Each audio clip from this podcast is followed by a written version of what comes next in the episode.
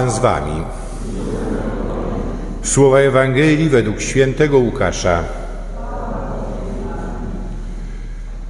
Pasterze pośpiesznie udali się do Betlejem i znaleźli Maryję, Józefa oraz leżące w żłobie niemowlę. Gdy je ujrzeli, opowiedzieli, co im zostało objawione o tym dziecięciu. A wszyscy, którzy to słyszeli, zdumieli się tym, co im pasterze opowiedzieli. Lecz Maryja zachowywała wszystkie te sprawy i rozważała je w swoim sercu. A pasterze wrócili wielbiąc i wysławiając Boga za wszystko, co słyszeli i widzieli, jakim to zostało przedtem powiedziane. Gdy nadszedł dzień ósmy i należało obrzezać dziecię, nadano mu imię Jezus, którym je nazwał anioł, zanim się poczęło w łonie matki. Oto słowo Pańskie.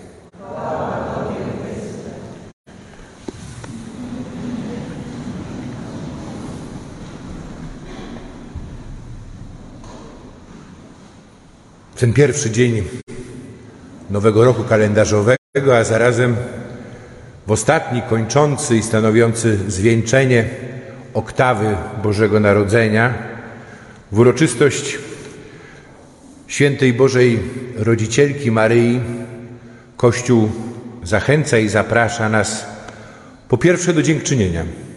Do dziękczynienia i wielbienia Boga, dziękując za ten dar czasu, który nam został dany. Tak jak często mówimy, czas to pieniądz, ale co pogłębiał dużo bardziej błogosławiony prymas Stefan Wyszyński, mówiąc, że czas to miłość. Dziękujemy za ten czas, który nam został dany, czas, który przeżyliśmy i jednocześnie też i zawierzamy za pośrednictwem świętej Bożej Rodzicielki Maryi ten czas, który jest przed nami. Czas, który otoczony jest, y, można powiedzieć, niepewnością, ale z drugiej strony też i czas, który przeniknięty jest y, naszą nadzieją. I zawierzając się za pośrednictwem świętej Bożej Rodzicielki, jednocześnie od niej uczymy się, y, uczymy się czego? Uczymy się tego, jak ten czas, który nam został dany, E, zachowywać w swoim sercu, e, jak nad nim medytować, po to, żeby odkryć to, co stanowi sens i istotę naszego życia, co jest tak naprawdę fundamentem naszej nadziei. I dzisiejsza liturgia słowa, ona rozpoczyna się od błogosławieństwa. Aaron, jego synowie są wezwani do tego, żeby błogosławić lud Izraela. Ale to błogosławieństwo przez Chrystusa rozciągnie się na wszystkie narody. I to Chrystus, e, Bóg, który zbawia, jest największym błogosławieństwem. Bo błogosławieństwo to szczęście, którego życzymy innym i którego pragniemy. Błogosławieństwo to szczęście, które nie ma nic wspólnego z dobrobytem materialnym, z takim czy innym uznaniem ze strony ludzi, E, czy e, taką czy inną formą sukcesu, ale błogosławieństwo to jest doświadczenie światła, to jest e, jakby odkrywanie tego rozpromienionego oblicza Boga nad nami. Boga, który swoją światłością rozjaśnia nasze ciemności, Boga, który jakby daje nam to życie, które tracimy, daje nam i który też i y, pozwala nam odkryć to, co w nas jest najpiękniejszego, najbardziej wartościowego, najbardziej wzniosłego i ten dar rozwijać i błogosławić innych. Y, to jest y, też i odkrywać w innych to dobro, które jest w każdym człowieku i pomagać poprzez właśnie naszą życzliwość, poprzez nasze rozpromienione, pełne życzliwości właśnie e, oblicze E, ten dar także innym. I to możliwe jest i dokonuje się przez e, Jezusa Chrystusa. E, I ważne jest, abyśmy też i tego Chrystusa, który przyszedł jako dziecko na świat, który jako wydał się w nasze ręce, ale który przyszedł jako jednocześnie nasz Zbawiciel i Pan, abyśmy Jego obecność w naszym życiu umieli rozpoznać. I to, co czyni Maryja. To kluczowe zdanie tej dzisiejszej Ewangelii. Maryja zachowywała wszystkie te sprawy i rozważała je w swoim sercu. Gdybyśmy wzięli do ręki już nie lekcjonarz, ale Biblię i czytali dalej, ten drugi rozdział Ewangelii Świętego Łukasza, to jest wiersz dziewiętnasty i doszli do końca tego rozdziału, to w 51 wierszu będzie niemal powtórzone to samo, ale w sposób znacząco inny. Bo ewangelista już nie powie Maryja, tylko o Maryi powie matka. I powie matka, która chowała to wszystko w swoim sercu. To, co się wydarzyło, można powiedzieć, między tym jednym a drugim momentem, stanowi o tym, że Maryja, ona dojrzewa i uczy nas dojrzewać ku pełni, ku tym tak naprawdę, ku temu, kim tak naprawdę my w oczach Bożych jesteśmy. Odkrywać to dobro, ale jednocześnie być zachwyconym i zadziwionym Bogiem. Bo na czym polega ta różnica? Maryja zachowywała wszystkie te sprawy w swoim sercu. Tu jest użyte słowo greckie czasownik, który wskazuje na nasze zaangażowanie, na naszą aktywność. Można powiedzieć, to jest tak jak strażnik, który strzeże miasta. A potem przychodzą te doświadczenia. Są pasterze, którzy przychodzą i opowiadają to, co im zostało objawione o tym dziecięciu, które przyszło na świat. Potem będzie kantyk Symeona, który będzie mówił też i o mieczu, który boleści, który przeniknie serce Maryi. I wreszcie będzie to doświadczenie, kiedy Jezus ofiarowany w świątyni ginie. I Maryja z Józefem są przekonani, że będzie gdzieś tam w karawanie z kimś z krewnych, z bliskich. I kiedy się okazuje, że go nie ma, dopiero wtedy wracają do Jerozolimy i odnajdują go tam, gdzie zupełnie się nie spodziewali, w świątyni, pośród uczonych w piśmie. Jezus jest gdzie indziej niż to, czego ona by oczekiwała. On niejako nieustannie przekracza i wymyka się spod jej kontroli. Ale jednocześnie też i ta relacja, więź matki i syna, ona dojrzewa. I to jest ważne. To jest ważne, żeby spojrzeć w ten sposób, bo potem, kiedy ewangelista po tym powie, Maryja chowała, tak polski tłumacz oddaje inne, inny czasownik grecki, który mówi niby to samo, ale zupełnie inaczej, bo wskazuje na jakby bierną postawę. To jest chowała, to tak jak skrzynia, do której składa się skarby. Tu jest działanie kogoś innego, tu jest działanie Boga.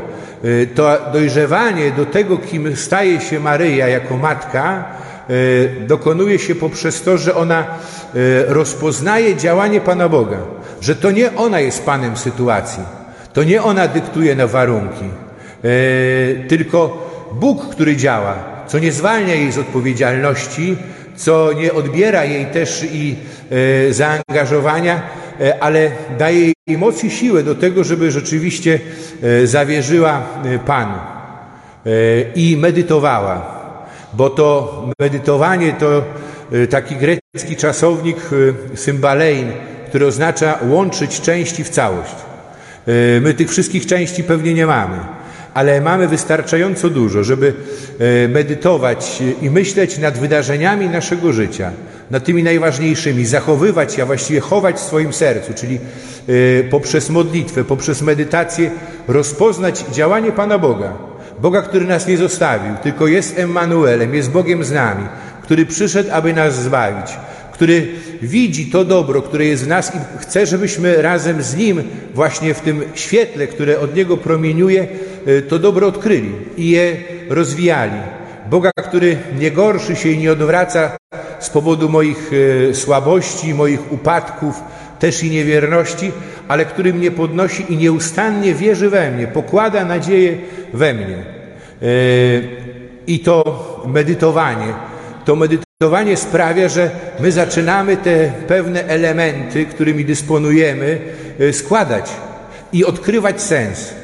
I odnajdywać sens w tym, co robimy i w tym, co przed nami. To jest to, co wprowadza nas na nowo na tę drogę za Jezusem i co jest źródłem też i głębokiej radości w sercu.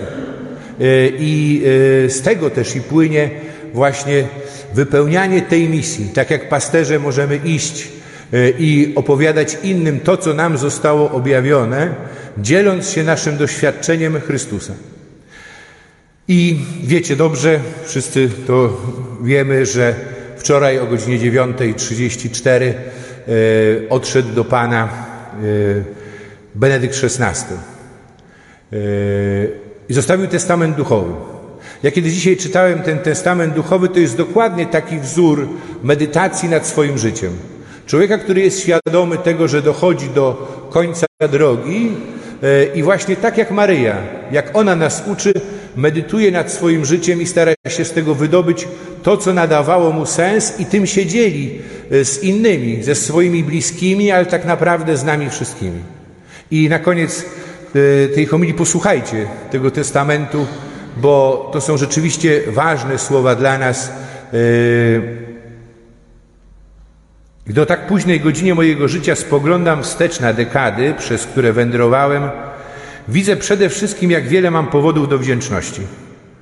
Dziękuję nade wszystko samemu Bogu, dawcy wszystkich dobrych darów, który obdarzył mnie życiem i przeprowadził przez różnorodne zamęty, który zawsze mnie podnosił, gdy zaczynałem się osuwać, który zawsze na nowo dawał mi światło swojego oblicza. Z perspektywy czasu widzę i rozumiem, że nawet ciemne i uciążliwe fragmenty tej drogi służyły mojemu zbawieniu i że właśnie w nich prowadził mnie dobrze.